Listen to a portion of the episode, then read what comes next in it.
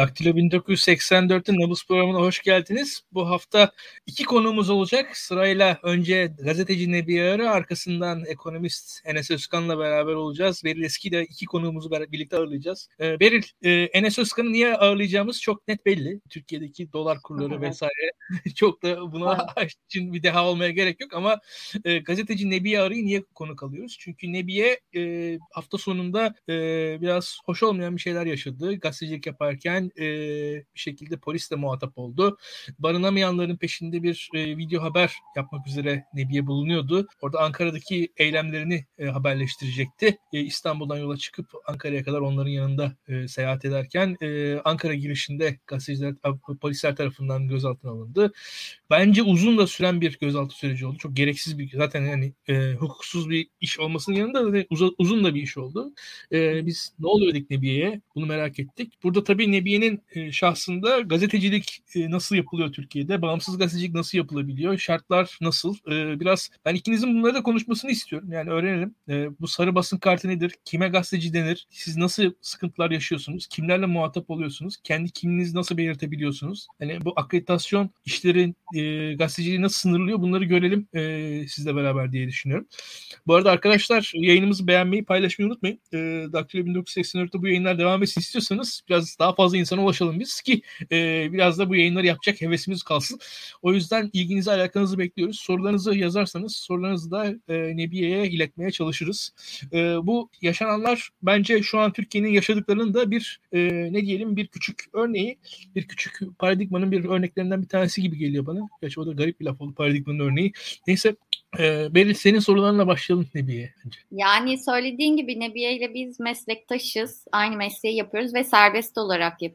Bunun çeşitli zorlukları var. Bu yani apayrı bir konu. Ee, ama işte Türkiye'de gazetecilik faaliyetini yürütürken insanlar e, çok farklı boyutlarda e, sansür ve engellemeyle karşılaşabiliyorlar. İşlerini yapmaktan alıkoyulabiliyorlar. Ee, Nebiye de aslında bunun e, ağır bir boyutunu yaşadı. Bir gözaltı sürecinden geçti. Tabii ki çok daha ağır formları var. Ee, yani işte tu, uzun süre tutukluluk, e, cezaya çarptırılma, hatta e, katledilme gibi boyutları var. Ama yine de e, e, o gün benim bir gazeteci olarak hoşuma giden şey insanların bunu normalleştirmemesi, kabul etmemesi ve e, bir şekilde sosyal medyada da olsa seslerini çıkarması. Nebiye'nin yanında olduklarını göstermesiydi. Tabii Nebiye bunları daha iyi anlatır. E, o yüzden ben e, uzatmayayım Nebiye'ye hani bize e, e, ne yaşadığını anlatarak belki başlayıp hani e, gazetecilikte yaşadığı e, sorunları anlatar an, anlatır diye ilk sorumu yönelteyim. Teşekkür ederim yayına davet ettiğiniz için. E, benim gazetecilik tarzım genelde hikaye anlatıcılığı üzerinden işliyor. Hmm, Barınamayanlar Hareketi'ni de zaten önceden de takip ediyordum. Yani görüyordum yaptıklarını. Ama hiç çekmek nasip olmamıştı yani başka işlerim olduğu için. O basın açıklamasını e, görünce de aslında basın açıklamasını çekmeye gitmiyordum ben açıkçası onların yolculuğunu çekmeye gidiyordum. E, çünkü bir sürü yani 50'ye yakın genç vardı İstanbul'dan giden. Bir de İzmir'den giden araç vardı. Zaten Ankara girişinde buluşacaklardı. E, buluşamadan e, ikisini de ayrı yerlerde durdurmuş oldular. Ben aslında yolculuklarında işte tüm molalarda işte araba otobüsün içinde onlarla sürekli e, konuşarak onların ne düşündüğünü aslında bu eylemi neden yapmak istediklerini barınamama sorunlarının tam olarak ne olduğunu işte konuştum genelde. Video videomu da YouTube kanalında yayınladım bakmak isteyen olursa. Gençler aslında biraz yani birlikte olmanın, e, birlikte oldukları zaman mutlu olduklarını söylüyorlardı. E, o altını çizmek istediğim bir şey. Bir de zaten videomun başlığına gözaltı aracında bir arkadaşın söylediği cümleyi e, koymuştum. Ne barınabiliyoruz ne göçebiliyoruz. Bir de göçtüğümüz yerden geri dönebiliyoruz diye bir cümle kurmuştu. Çünkü yani ne içeri girmelerine izin verdiler ne onları geri bıraktılar yani 12 saat boyunca gözaltında tuttular. Yani biz araçla e, cumartesi gecesi işte yola çıktık. Ben de onun için aracın içindeydim onları takip etmek için. Yine gazeteci e, çalışma arkadaşım, gazeteci demeyeyim çalışma arkadaşım Işık e, ama o da gazetecilik yapıyor benimle sonuçta. E, e, onunla birlikteydik. O ayrı, ben ayrı çekimler yapıyorduk, insanlarla konuşuyorduk. Ve e, sabaha kadar işte molalarla falan Ankara girişine gelmiştik. E, bizi trafik polisi durdurdu önce. E, zaten orada orada bir şey olduğu belliydi ama trafik polisi hiç böyle şey yapmadı yani. Hani gidemezsiniz, gelemezsiniz hiçbir şey yapmadı. Sadece biz size biraz eskort gideceğiz işte Ankara'ya kadar falan gibi bir şey söylediler. Muğlak bir şekilde ve sonra işte bizi Çevik'in yanına götürdüler. Çevik Kuvvet otobanda bir yere konuşlanmıştı. Onların yanına götürdüler. İki otobüsü de durdurdular. Ee, sonra sadece müzakereci arkadaşlar indi otobüsten. Ee, biraz konuştular ama orada tabii ki de anlaşma sağlanamadığı için diğer arkadaşlar da inmek istedi. Hatta orada da bizi de basın olarak biz de inmek istedik o müzakereyi çekmek için. Ama bizim de otobüsten inmemize o arada izin vermediler. Sonra gençler tartışarak işte sigara içeceğiz neden aşağı inemiyoruz diyerekten aşağıya indiler otobüsten. Ee, sonra işte görüşmeler devam etti. Biz görüşmelerin bir kısmını da çektik zaten. Ee, orada hukuksuz bir şekilde durdurulduğunu söyledi gençler otobüslerin. Şehre girilmesine izin verilmesini söyledi. Ee, polis de ellerinde herhangi bir yazılı şey o belge olmamasına rağmen hayır bu valilik kararıyla yasak giremezsiniz şehre dediler. Onlar da yani bizim şehre girince ne yapacağımız konusunda bize müdahale edebilirsiniz. Hani basın açıklamasına müdahale edebilirsiniz belki ama yani en azından şehre girebilmeliyiz diye böyle bir tartışma yürüttüler ama bu tartışmanın e, muhatabı en sonunda bağırışmalara dönüştü tartışma muhatapları sebebiyle. E, o tartışmaların bağırışmaya dönüşmesinden sonra siz dönmüyor musunuz dediler. İşte o zaman müdahale edeceğiz. Hepinizi gözaltına alacağız falan dediler. Zaten biz daha kayıttaydık o anlarda. E, bizde herhangi bir engelleme yapmamışlardı. Çünkü zaten kalabalıktı. Öyle bir tam e, aracın etrafını çevirmişlerdi tamamen dört tarafını. Yani bir yandan geç, gençlerin zaten kaçacağı bir yer yoktu. Otobandayız falan. E, orada işte darp ederek birçok genci yerde sürükleyerek kimisini ellerinden kollarından taşıyarak falan e, gözaltına aldılar. E, işte arkadaşları gözaltına alınınca diğer e, gençler de birbirlerine sarılarak birbirlerini vermemeye çalıştılar falan. Öyle o anları mesela biraz da böyle şey sanki film set filmin içindeymişsin gibi bir his e, veriyordu insana açıkçası. Çünkü böyle bir tel var oraya tutundular ve birbirlerini vermemeye çalışıyorlar falan ve sadece şehre girmek istiyorlar. Böyle bir tartışma anı var ve biz orada çekerken bir anda bir polis bizi zaten işte tel, oradaki tele doğru yasladı. Bu arada Yağmur artı gerçekten gazeteci arkadaş Yağmur Kaya vardı. Işık ve ben vardım ve bize işte kimliğimizi sordular. Ee, sonra işte kimlik gösterdik nerede neyse oradaki ikna oldu derken sonra başkası bize sordu. Sonra bizi grubun dışına yani grubu göremeyeceğimiz bir yere o polis kordonunun dışına çıkardılar. Çünkü iki aracı bu şekilde koymuşlardı ve etrafında tamamen polis vardı. Zaten bir tarafında da tel vardı. Ee, bizim zaten ondan sonra çekim yapmamıza izin vermediler. Madem gazetecisiniz burada durun ee, ve oraya asla bakmayın. Yani bakmamıza bile izin ver. Hani çekim yapmayı bırakın. Orada sesler geliyor işte birileri bağır, bağırıyor, çığlık atıyor. Bazen görüyoruz o polislerin arasında birisi yerde yatıyor falan. O anda bakmaya çalıştığımızda bile bize müdahale edip işte bakmamıza izin vermediler. Ee, ondan sonra biz orada bayağı bekletildik. Ses, sadece sesleri duyabiliyorduk. Bu arada çekim yapmayın dedikleri için çekim yapamadık. Çünkü çekim yaptığımız anda bize de müdahale ediyorlardı. Ee, sonra petrol ofisine gidip bari bir şeyler alalım. Madem burada bekleyeceğiz gibi bir şey düşündük ve petrol ofisine doğru yürümeye başladık. Sonra e, giderken bir anda işte otobüsün arka tarafını görebildik yani hani biraz ilerleyince. E, o arada da Yağmur telefonunu çıkardı çekmek için ve oradan bakıyordu ışıkla ikisi. E, o anda da bir tane polis bize böyle çok sinirli bir şekilde yürüyerek geldi ve siz kimsiniz ne yapıyorsunuz burada falan diye böyle bağırdı bize. Biz de gazeteciyiz dedik işte. Sonra kimlik sordu tekrar. Galiba hani altıncı falan kimlik soruluşuydu. E, biz de tekrardan işte gazeteci olduğumuzu beyan ettik. E, Yağmur artı gerçekten kartını gösterdi. Ona Cumhurbaşkanlığı kartın yok mu falan dediler. Yok dedi ama onu neyse dedi. Ben de bağımsız gazeteciyim falan dedim. Bu arada bir önceki soruşlarında da isterseniz YouTube hesabımı göstereyim size. Hani gazeteci oldum ben çünkü YouTube'da gazetecilik yapıyorum. Hani evet. Hani buradan bakabilirsiniz falan demeye çalıştım ama hiç ilgilenmediler zaten öyle bir şeyde. Şaşırdılar hatta yani nasıl bir şey diye. Sonra da adam dedi ki yani orada bize müdahale eden polis. Siz dedi otobüs aynı otobüste mi geldiniz bunlarla dedi. Biz de evet dedik. O zaman aynı otobüste geldiyseniz hadi bakalım sizi gözaltına alıyorum dedi. Aynı yolda gidin falan gibi. Ee, ben de al bakalım dedim. Ona da sinirlendi zaten zaten. Çünkü ne diyebilirim başka? Bizi tekleye tekleye şeye, e, otobüse soktu. Orada bir arkadaş mesela polise bakıyordu biz otobüste çıkarken. Bakma bana, bakma bana dedim sana falan diye böyle bağırdı yani. Zaten hani bir de şöyle bir şey var. Döven sensin, sinirlenen sensin. O anlamda gerçekten çok böyle insanın e, aklı da duruyor yani nasıl bir e, müdahale, muamele gördüğüyle ilgili. Orada e, biz sabah kahvaltısı yapmadan bu işte durdurulma anını yaşamıştık ve açıkçası ben bilmiyordum. Gerçekten bilmiyordum. Onca senelik yani hem aktivizm olsun ya da başka bir şey olsun. E, gazetecilikte de yani bu kadar e, zaman içerisinde göz altında su verilmediğine dair bir bilgim yoktu ve onu öğrenmiş oldum. Mesela asla e, göz altında size bir gıdım su bile vermiyorlar. Hani yemeği e, geçtim. E, kendiniz zaten gidip öyle alabileceğiniz bir ortam yok. Dışarıdan avukatlar eğer getirirse ya da biri sizin suya ihtiyacınız olduğunu düşünür de getirirse ancak o zaman. Ama avukatlara söyleyin dediğimiz zaman da mesela polisler gidip herhangi bir şey söylemedi. Bizi gittiğimiz araçların içerisinde gözaltına aldılar. Avukatlar bununla ilgili bu araçlarda geri dönecek arkadaşlar bunu da gözaltına alamazsınız dedikleri zaman da öyle mi o zaman hepsini indirelim ters kelepçe yapalım dediler. Yani tehdit ettiler avukatı. Orada tar- tartışmalar devam etti ama biz o gözaltı aracından asla inememiş olduk. İşte sağlık kontrolleri uzun süre devam etti. İşte biz galiba 9 gibi falan e, gözaltına alınmıştık. E, 9.30-10 gibi. E,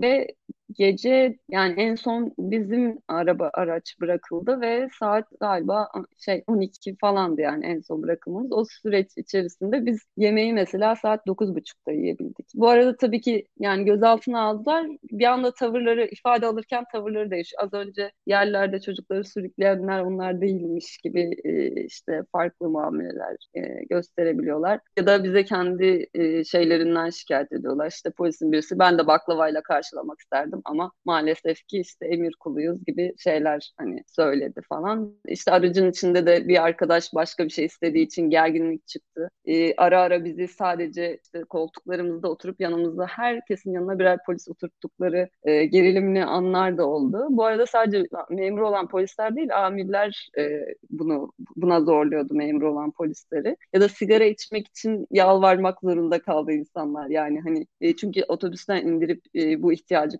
karşılamaya yönelik bir şey yapmıyorlardı. Sürekli yani aynı otobüsün içinde 12 saat bekleyince tabii ki sinirler sürekli e, geriliyordu. En son ifade almaya çağırdıklarını da mesela gazeteci arkadaşlar olarak bizi de e, eylemcilerle aynı suçlamayla suçlamışlardı. İşte otobüsü hangi belediyenin sağladığı gibi bir soru da vardı o suçlamanın içinde. E, bir yandan da hepimiz yani bizi gazeteci olarak aldılar. E, en azından farklı bir suçlama belki beklerdik ama bizi de aynı şeye e, almışlar. Aynı topu almışlardı ama farklı ifade vererek onu da değiştirmiş olduk. İki tane milletvekili, CHP milletvekili geldi. Bartın milletvekili. O geldiği için mesela biz e, su alabildik. yani yoksa e, yani polislerden sadece bir tanesi bize acıyıp gidip üç tane e, su getirdi. E, ve otobüsün içinde 13 kişiyiz yani. Bütün gün asla yetmesi mümkün değildi. E, yani genel olarak böyle şeyler yaşandı e, otobüs gözaltı aracının içinde de. E, bazı arkadaşlar daha erken salındı, on buçuk gibi. O zaman hepimizin salındığı düşünülmüş. E, ama diğer araç e, 12'de anca e, bırakıldı. Böyle bir zaman geçirdik maalesef. Peki e, yani gündemle de çok ilgili olduğu için soruyorum. E, bu gençlerin barınmayla ilgili e, sorunları ve talepleri neydi? Yani bazı iyileştirmeler yapıldığını söylediler. Gençler işte sokakta kalma eylemlerini yaptıktan sonra, parklarda yatma eylemini yaptıktan sonra sonra çok küçük e, değişiklikler olduğunu söyledi. Bir tane genç mesela dedi ki bize parka gelip insanlar işte size kalacak yer sağlayabiliriz, işte burs bağlayabiliriz falan diye hani bireysel şeylerle geliyorlar dedi. Ama bizim sorunumuz da tek benim sorunum değil ki dedi. Yani bu bütün öğrencilerin ya da bütün gençlerin sorunu hem barınma hem geçinme. Ben işte üniversiteye girdim ama barınma sorunumu çözemediğim için okula gidemiyorum diyor mesela. Hani çünkü hani yurda girse de ayrı para gerekiyor. işte ödenen KYK'lar yetmiyor, geçinmeye verilen burslar yetmiyor. Hepsi burs bulamıyor zaten. Sadece çok iyi okullardakilere belki burs sağlıyorlar. Ya da burs sağlayan derneklerin, STK'ların istekleri oluyor. Bazen onlar uyumlu olmuyor.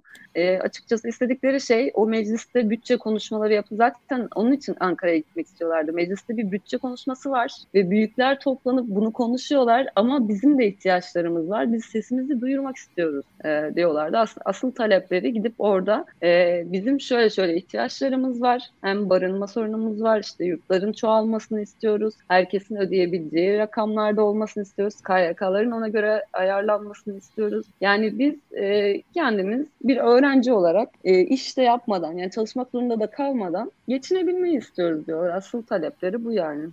Şimdi Nebiye bu e, senin anlattığın e, taleplerin bir de bu videoda da görüyoruz ki bir baskı da var. Biz de bu baskıyı göstermek için senin videonu kullandık. Bu arada izleyicilerimizden söyle rica edelim senin kanalını takip etsinler. Videoyu orada izlesinler. E, buna benzer videolar Nebiye'nin kanalında, Nebiye Arı'nın kanalında olmaya devam edecek. E, burada senin gene videondan çeşitli anlar gösteriliyor. Evet, gözaltı aracında telefonlarımızı aldılar ama bizim küçük Ozmo e, diye bir çekim aletimiz var. Onu almadılar. Tabii ben de gözaltında olduğumuz için bizim de kafalar tabii gitti. Bir yandan sonra aklıma geldi Ozmo'nun hala yanımızda oldu. Ondan sonra biraz e, çekim yaptım. Yani zaten aracın içinde şarkı söylüyorlardı. Mesela burada şiir yazmaya çalışıyor falan. Hani biz kendimiz de orada e, işimizi bile düşünemedik yani. Öyle son, son mesela bırakıldığı zaman video çekmeyi düşünemedim. Çünkü 12 saat o kadar yorucu geçen bir zamandı ki e, yani benim için de bazı şeyleri durdurmuş oldu bir anda. Ama orada bile şeydi mesela hepimiz şurada arkadaşın dediği şey hepimizin gözaltına alınması iyi olmadı mı? Çünkü dayanışmacı bir şey oldu. Hani bırakıp gitmedik kimseyi falan diyordu.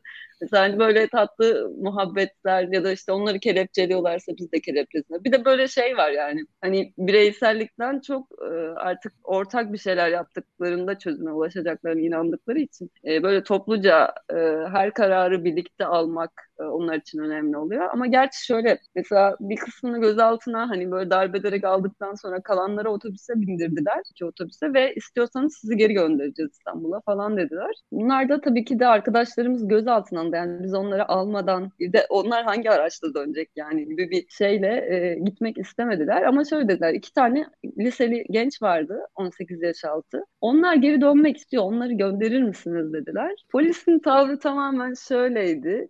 Ben onlarla mı uğraşacağım dedi. Yani iki kişi olduğu için hani bütün otobüs dönmek istemiyor ama iki kişinin dönmesini istiyorlar falan.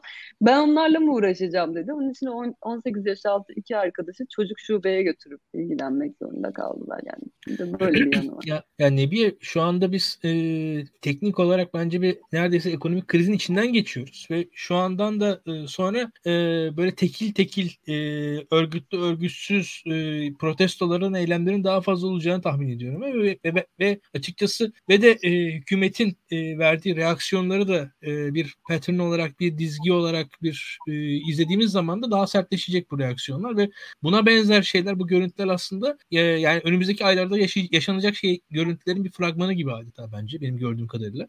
Benzer şeylerin daha çok yaşanacağını düşünüyorum ben. E, bu gençlerin tepkileri işte bugün barınma olur, yarın bir gün işte gıda olur, öbür gün atıyorum ulaşım olur. E, bu, bu tarz alanlarda benzer protestoların artacağı öngörülebiliyor şu an Türkiye'de. E, burada açıkçası e, bir yandan da şey var. Bu olan bitenin e, dokümente edilmesi senin anlattığın gibi bence çok önemli. E, sen orada bir alan e, sağlıyorsun. Orada şöyle bir şey var. Bağıran çağıranlar var ama bağıran çağıranlar o kendileri de aslında e, ideolojik bir şey söylerken veyahut da taleplerini söylerken bir şekilde kendi kimliklerinden dışarı çıkıyorlar orada. Zaten o yüzden orada protesto yapıyorlar bu insanlar. Ama bir yandan da kendi kişilikleri var. Ya sen orada aslında o hani hem grup oluyorlar ama o grup grubun arkasında tek kişileri de ancak senin gibi gazeteciler orada çekebiliyor diye düşünüyorum. Orada da esasında bir de o, onu da kaybettiriyorlar bize. Ee, senin açıkçası bu açıdan yaptıklarını ilgili alakayla izliyorum ben. Biraz soru da olmadı. Ee, konuşmaya başladım en son övmeye doğru döndüm. Ee, ama e, yani ama evet, şöyle ben, bir şey pardon. Orada ben bir şey Buyur. Ya benim mesela en çok endişelendiğim şey sokakta haber yaparken birisi bir polis gelip bana kimliğimi sorarsa ne olacak falan. Hani genelde böyle bir endişe yaşıyordum. Yani bu endişemin de hani gerçekleştiği bir noktada bulunmuş oldum. Ben normalde eylem habercisi değilim zaten. Hani gündem sıcak haber de yapmıyorum. Genelde hani insanların hikayelerini anlatmaya çalışıyorum ama bu gençler de bu şekilde anlatıyorlar hikayelerini. Yani sokağa çıkarak anlatıyorlar. Onun için onlarla birlikte sokağa çıkmamaz. Ya da kadın eylemlerini çekerken de aynı şey yaşıyorum. Yüksek bir alana çıkıp oradan çekmeye çalışıyorum. Gaza dayanıklığım yok çünkü. Yani öyle bir gerçeklik de var orada da ve aslında normalde gazeteciler işte gaz maskesiydi bilmem neydi takabiliyorlar ama öyle taktığı zaman polis bu sefer daha çok müdahale edebiliyor. Onun için hani böyle bir e, şey e, insan çalışırken de büyük e, kaygılar yaşıyor bu anlamda. E, onu da eklemek istedim. Berin buyur. Ha şeyi söyleyecektim ben de. Aslında Nebiye'nin yaptığı şey Türkiye'de az bulunan da bir şey bir anlamda. Çünkü e, biz genelde haberleri çok hızlı üretip hızlı tüketen bir e, ülkeyiz. E, arka planına işte o yolculuklarına, hikayelerine pek e, odaklanmayan e, bir gazetecilik anlayışı yani yaygın diyeyim. E, o yüzden hani bu daha hani raf ömrü uzun, işte daha derinlemesine inceleyen, işte arka planını anlatan, işte o yolculuğu çeken, hikayeleri ekleyen bir e, gazetecilikle bunun kayda geçmesi de bence ayrıca bir değerli. Ben de e, İlkan'ın övgülerine katılmak istedim. Ya bu madem benim... övgülere başladık biz kendimizden de bahsedelim. Biz de daktilo olarak aslında e, kendimiz minik bir belgesel çektik. Hemen hemen aynı konuyla alakalı. Zaten yine barınamayanlardan o ekipten e, bazı arkadaşların da olduğu, bizim daktilonun yorumcularının da olduğu bu e, konut fiyatlarındaki değişiklik, e, kiraların artışının nedenleri ve bu eylemler niye oluyor? Bu konut fiyatlarındaki artışın sebepleri nelerdir? Buna bu, buna getiren e, e, koşullar nelerdir? Buna dair biz de Daktilo 1984 olarak kendi kira belgeselimizi çektik aslında. Hatta bir yandan da şunu düşün ya o belgeseli çekerken niye Nebi ile beraber çalışmadık onu da kendimiz sorguladık ama e, öyle söyleyeyim biz de e, ucundan değinmeye çalıştık. Yani hadiseler Türkiye'de oluyor. O an e, dediğin gibi bir yani bir gözaltı var doğru. Hani o an bir anlık bir şey yaşanıyor. O yükseliş var ama birincisi o, oraya giden insanlar niye oraya gidiyorlar? O nasıl birbirlerini bulmuşlar? E, neden e, bir araya gelmiş? O grup nasıl oluşmuş? Bunu mesela anca Nebi anlatabilir bir yandan da. Veyahut da bunun arkasındaki mesela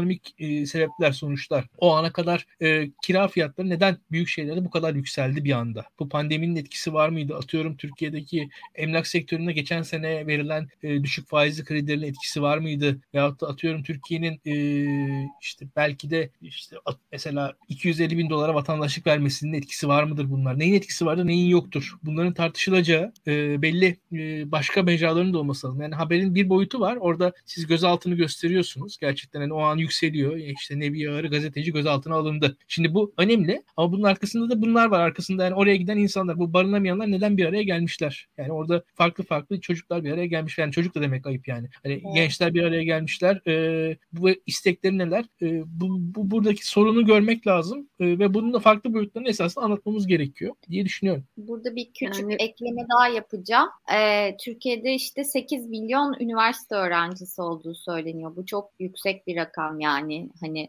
E, gerçekten çok ciddi sayıda insan üniversitede. Bunun bir sebebi de geçen sene e, Tuğba Tekerek'le, gazeteci Tuğba Tekerek'le konuşmuştuk. E, hızla yaygınlaşan taşra üniversiteleri. E, ama Taşra üniversitelerine baktığımızda hem eğitim kalitesi hem e, işte öğrencilerin ekonomik durumu vesaire açısından baktığımızda aslında öyle bir planlama değil. Taşra üniversiteleri daha ziyade ilçe kalkındırma planı olarak e, planlanmış e, üniversiteler. Dolayısıyla e, üniversite işsizliği de artıyor. Üniversiteye giden öğrenciler, örneğin psikoloji okuyan öğrenciler e, seksten bahsedemiyor. İşte dini kurallara e, maruz kalabiliyorlar. Sansürlere maruz kalabiliyorlar. E, bunun dışında işte barınamıyorlar, başka bir şehre gidemiyorlar. E, işte orada geçimlerini sağlayamıyorlar. E, aslında üniversite yani üniversite öğrencileri açısından iyiye giden bir şey yok. Hani biz hep e, işte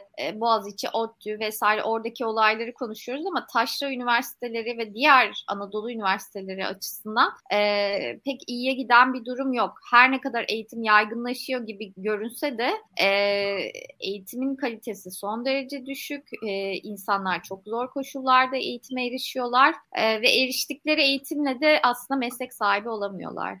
Ya şimdi ben birkaç şey ekleyeyim. Bu barınamama deniyor ya. Yani senin anlattığınla beraber aslında Taşra Üniversitelerinin hakikaten amaçlarından biri bu barınamama meselesinin oluşması. Çünkü o kira gelirleri olsun, o Taşra ilçeleri yaşasın. Oradaki hani barınamama teknik olarak o oranın hakikaten birileri barınamaması, barınmasının zor olması e, o taş üniversitenin esbabı mucibesi bir yerden sonra. Yani çünkü oradaki eğitimin kalitesi de bir seviyelerde, kütüphane kalitesi de belli seviyelerde vesaire. Yani hani biraz öyle söyleyeyim ben. Burada senin anlattığın sıkıntılar belli direkt e, burada gözüküyor yani. Orada bir altına indiğin zaman zaten hani eğitimin kalitesi de belli bir seviyenin altında. Yani işte hikayede yani onu görüyoruz. Ekonomi yani bir kalkınma planı gibi e, sunulsa da e, bu hizmetten faydalanan, eğitimden faydalanan insanlar açısından e, herhangi bir e, şeyi olmuyor yani. Pozitif bir yanı yok. Aslında son derece negatif. Hani üniversiteye gidiyorlar mı? Gidiyorlar evet ama nasıl bir üniversiteye gidiyorlar? Nasıl bir eğitimden faydalanıyorlar? İşte barınabiliyorlar mı? Nebiye'nin dediği gibi e, belki de kazanıyorlar. Barınamadıkları, geçinemedikleri için gidemiyorlar. Bunu çok daha sık duymaya başladık bu sene mesela. Doğru, doğru. Ee, bu arada e, biz tabii o gün e, Nebiye ile biz Daktiyo'dan kimse ilgilenemedi. Daha ziyade Enes ilgilenebildi. E, şimdi Enes de bugün bir yandan gündemin diğer parçası. Gündemimizin diğer parçası da asgari ücret ve faiz kararı. Bu arada Enes'i de yayınımıza alacağız. Enes e, yayına hoş geldin diyelim. E, hoş Enes zaten biz tabii hepimiz birbirimizi tanıyoruz. E, bu arada Nebiye senin de e, sözlerini, son sözlerini alalım istersen. Ya da daha fazla şey senin de açıkçası bir yandan bu gazetecilik konusunda, akreditasyon konusundaki taleplerin bence önemli. Biraz onun altını çizerek e, bitirirsek daha iyi olur diye düşünüyorum. Ne dersin?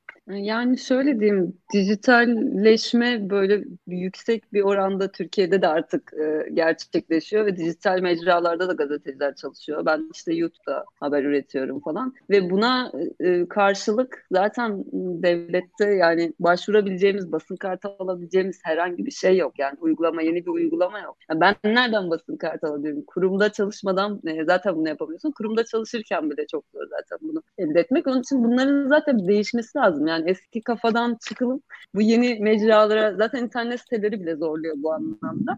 Ama bu yeni mecralara da alan açacak madem düzenleme yapsınlar. Ondan sonra bize basın kartı sorsunlar. Ondan önce basın kartı sormasınlar bir zahmet. Çünkü zaten vermiyorlar yani çalışma şeklimizi. Ama bu gazetecilik tarzında artık kabul etmeleri gerekiyor. Çünkü buraya doğru iş ilerleyecek yani. Bir yandan da aslında uluslararası basın kartı var İFC'nin. Ben ona başvurmak istemiştim. Hazır Enes'e de konu geçecekken oraya bağlayayım. Ben ona başvurmak istemiştim ama mesela dolar üzerinden alınabildiği için kart, e, dolar kuru da arttıkça yani onu alması da zorlaşıyor o kartı da. Hani o kart da ne kadar geçerli olacak hani devlet nezdinde bilmiyorum ama en azından öyle bir basın kartım var diyebilmek için de dolar kuruyla mücadele etmek gerekiyor.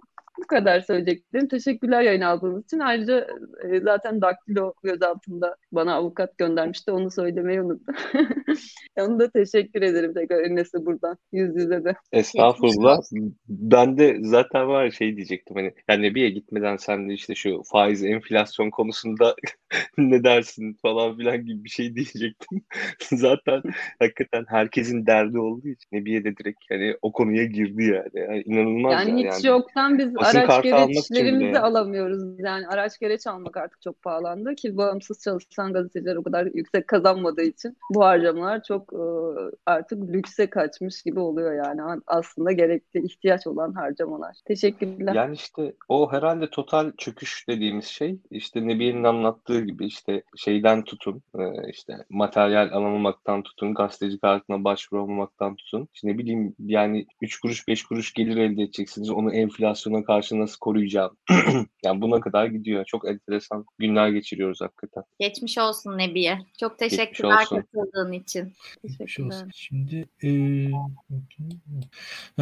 e, şu an e, Nebiye'yi yayından şimdilik aldık. E, Nebiye'nin kendi işleri var zaten. Editler meditler uğraşacak. Birazcık daha uzun çalışması gerekecek. E, burada Enes sen sabah yayın yaptın. E, bugün de Türkiye'de ekonomi açısından çok da önemli bir gün. Yani bir yandan hatta dün de Türkiye ekonomisi açısından önemli bir gündü. Öyle başlayalım. Çünkü Fed'in kararıyla bu iş başladı. Arkasından para piyasaları kurulunun kararıyla devam etti. Sonra da asgari ücret kararıyla nihayetlendi. Üç büyük karar. Şimdi bu üç büyük karar e, ne anlama geliyor? Aslında bir yandan da şu var. Yani bir, böyle normal normal sorular soruyoruz da sanki ortada normal bir şey varmış gibi. Bir yandan onu düşünüyorum. Yani oturuyoruz işte senle beraber e, biz iki yıldır bu yayınları yapıyoruz. İki yıldır e, giderek e, işin şeyi de değişiyor. Beril de bu yayınların büyük bir kısmında bulundu. İşte işte kur ne olur, faiz ne olur, işte şu karar hani faiz arttırırsa işte kur şuraya doğru hareket eder falan diye ciddi ciddi yorumlar yapıyoruz. Ne kadar manalı ne kadar manasız e, bilmiyorum. E, ilk başta sen bize bir fotoğrafı çek istersen. FED kararıyla beraber başlayalım. Oradan adım adım günümüze gelelim. Ya şimdi e, aslında e, dünkü FED kararı görece şahin diyebileceğimiz bir bir karardı. Yani işte varlık azaltımı miktarını artırdılar. Hani biraz karmaşık bir şey gibi oluyor da varlık alımı azaltımı miktarını artırdılar. Şöyle ki tapering dediğimiz bir şey var. Normalde işte Merkez Bankası piyasaya aslında para pompalamak için e, piyasadan varlık alıyor ve yerine para veriyor. Böylece piyasada para çoğalmış oluyor. Değerli kağıt azalıyor, para Hı-hı. çoğalıyor. İşte onu zaten azaltıyordu gitgide FED. E, 30 milyar dolarlık bir azaltım öngörüyordu. O azaltım miktarını 60 milyar dolara çıkardı. Ne demek aslında? Piyasadan 30 milyar dolar daha fazla para çekeceğim demek. Bu çok büyük bir şey değil. Yani Amerikan ekonomisi ve hakeza dünya ekonomisi için 30 milyar dolar büyük bir şey değil ama bir mesaj. Birinci mesaj buydu. İkinci mesaj e, çok uzun zamandır FED, e, FED'in de işte e, Federal Open Market Committee diye bir komitesi var. Bizdeki para politikası kurulunun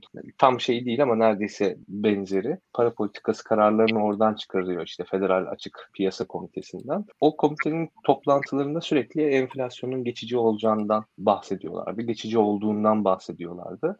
Fakat bu toplantı karar metnine baktığımızda o geçici e, ifadesi artık yok. Yani onlar da enflasyonun bir şekilde böyle kalıcı olabileceğini ya da uzun süre orta vadede en azından kendileriyle e, devam edeceğini e, görmüşler. E, bu da ne anlama geliyor? İşte %6.8 açıklanmıştı en son Fed'in e, tüketici enflasyonu. Fed tüketici enflasyonu daha doğrusu Amerikan tüketici enflasyonu %6.8'di. Fed de ona göre bir işte para politikası kurulu kararında diyelim bir güncellemeye gitti. Yani bu da şuna sebep oldu. Normalde e, faiz artırımı yapacak tabii ki FED. Şu an faizler Amerika'da da zaten reel olarak eksilen haliyle. E, enflasyondan çok daha düşük yani 0-0.25 arasında bir faiz var. Para politikası politika faiz var ABD'de. Orada 2022 içerisinde 3 tane faiz artışı, 2023'te de 3 tane faiz artışı, 2024'te de 2 tane faiz artışı e, gibi bir şey var. E, gibi bir e, beklenti var. E, fakat tabii içler çok çabuk değişiyor. Normalde bu faiz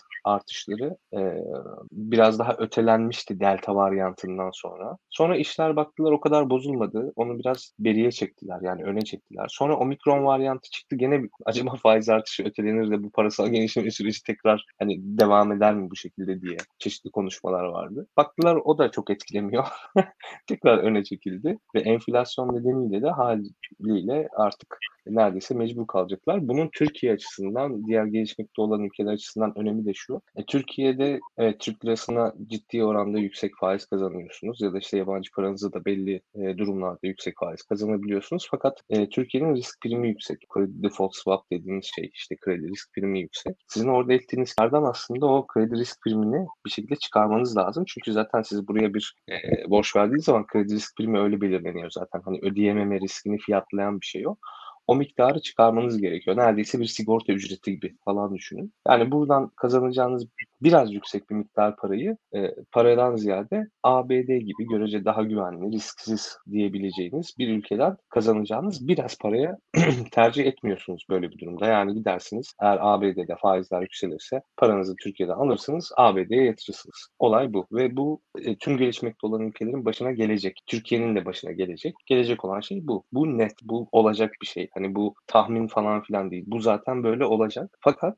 e, farklı gelişmekte olan ülkeler ve hatta gelişmiş ülkeler de bunun için önden bir şey yapıyorlar. E, bir önlem bağlamında şimdiden bir miktar faiz artırımlarına başladılar. Türkiye ise tam tersine yani tam aksine bu dönemde faiz azaltımı sürecine girmiş oldu ve böyle bir kendi kendimizi biraz böyle terste yakalamış gibi bir şey olduk biz. E, ben şeye çok benzetiyorum ya Berat Albayrak'ın ilk dönemlerinde de işte o zaman Murat Uysal gelmişti sanırım Merkez Bankası baş, başına da. O dönemde hatırlarsınız böyle bir şey olmuştu. Yani yine aslında bir e, yani çok hiç ortada bir, pek bir sebep yokken falan ya bu faizler çok yüksek deyip pat indi sürecine girmişti. E, burada da e, benzer bir süreç devam ediyor. Bakalım hani e, bu faiz şeyi acaba ne zaman e, olacak faiz indirimi? Büyük ihtimal Nisan ayında hani Fed'in faiz artırımı e, olacak gibi duruyor. Fakat dediğim gibi çok şartlar hızla değiştiği için hani onu tam da kestiremiyorum. Ki ben bir şey sormak istiyorum. E, bu söylediğin bu bir senaryo değil. Bu kesinlikle olacak dedin dedin. Hani e, Fed faiz artırmana gittiğinde insanlar parasını çekecek dedin. Bu durumda e, Türkiye'nin faiz arttırması e, boşuna bir çaba olur muydu peki? Hani böyle bir mantık kurmaya çalışıyorum çünkü faizin düşürülmesi hepimize olumsuz yansıyor. Her şeye rağmen faiz arttırması boşuna bir çaba mı olurdu peki? Yok boşuna çaba olmazdı ama şunu kesinlikle söylemek lazım. Yani şu anki ekonomi yönetimi, şu anki ekonomi yönetiminde duyulan güvensizlik, şu anki hükümet eğer iş başında olacaksa ve bu böyle devam edecekse faiz artırımı da bir işe yaramayabilir. Çünkü şey değil ki bu hani sadece faiz artırımıyla düzelecek bir şey değil Türkiye'nin ekonomik problemleri. Bu konuştuğumuz şey sadece işte Türk lirasının değerinin korunması ile ilgili önlemlerden biri. Yani şu an faizler mesela işte Kasım'da işte Eylül şey Aralık'ta Aralık'ta Kasım'da ve Ekim'de bu denli düşürülmeseydi Türk lirası doların seviyesi hiç bu raddelere gelmeyecekti. Yani orada bir gene dolarda artış öngörüyorduk zaten. Orada bazı sınırlar var, bazı trendler var. İşte onu konuşmuştuk İlkan daha önceki yayında da. Yani 10.5 gibi bir aslında teknik sınır gibi bir şey vardı. Hani çok uzun zamandır takip edilen bir trend çizgisi 10.5 dolar hani TL 10.5 olur. Bu 2022'nin ortalarında da olabilirdi, başında da olabilirdi olabilirdi. Ta sonunda da olabilirdi eğer daha düzgün bir para politikası güdülseydi. Dolar TL 10.5 olabilirdi.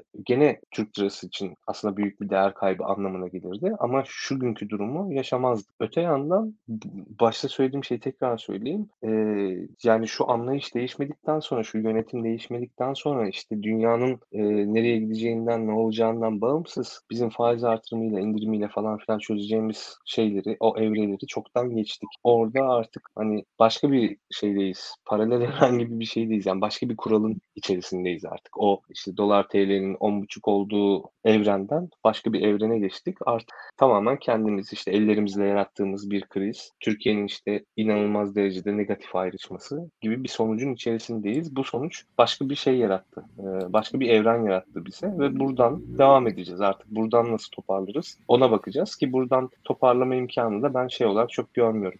Yani finansal e, çeşitli toparlamalar olabilir. İşte dış borç miktarındaki azalma, işte ne bileyim cari açığın acı, azalışı falan gibi ya da işte Türk lirasında bir miktarda olsa değer kazanımı. Bu da olabilir. Eğer bir müddet faiz e, indirimi yapmazlarsa ki son para politikası kurulu kararında aslında önümüzdeki 3 ayda yapılmayacağından ilişkin bir ibare vardı. Çok güvenmesem de bu olsa bile e, hani Türk lirası biraz değer kazanabilir. E, ona da çok güvenmeme sebebini de şöyle söyleyeyim. Sonra diğer soru, soruya geçelim. Yani hatırlıyorsanız biz faizi yani ve ile şey duyurdu Şah Kavcıoğlu. Bunun için toplantı falan yaptı. Açıklamalar falan böyle cafcaflı kelimeler. Biz işte faiz konusunda çekirdek enflasyonu takip ediyoruz falan filan dediler. Dedik ki herhalde çekirdek enflasyon seviyesine getirecekler faizi ama onlar daha faizi oraya getirmeden çekirdek enflasyon da daha yüksek bir yerlere doğru gittiği için ondan mesela hemen vazgeçtiler. Yani ki hiç kimse şey demedi ya biz çekirdek enflasyon demiştik hani orayı koruyalım hani oydu bizim çıpamız. O çıpadan çok çabuk vazgeçtiler. Her şeyin aslında bir bahane olduğu işte o para politikası kurulu kararlarının sadece o ilk cümlesinin önemli olduğu bir dönemdeyiz. Yani sonraki açıklamaların bence hiçbir anlamı yok. Onlar hikaye yani. Oraya yazılması gereken bir alt metin. Ya Enes'in dediklerine ben de birkaç şey ekleyeyim. Enes yani ne oldu? İlkan girecek e, diye şey yaptım da araya girdim pardon. Gireyim mi? Gireyim. Yok yok gir gir.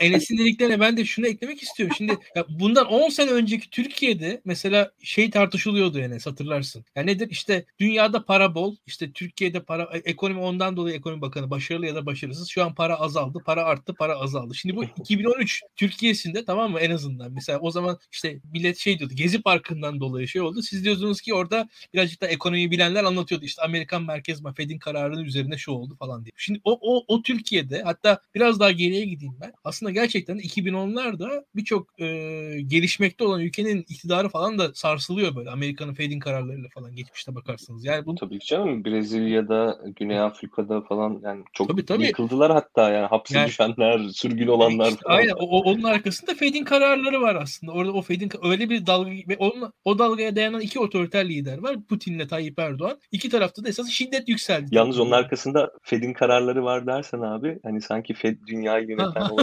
beş aile, işte bilmem kaç kurum falan ondan biri gibi anlaşılabilir. Ha, o da doğru gerçi. Onu da söyleyeyim ama en azından şu var. Ya, bir taraftan da şu olay Gezi Parkı'yla falan alakası yok yani. Onu, onu söylemek istiyorum. Yok, Oradaki yok tabii ki.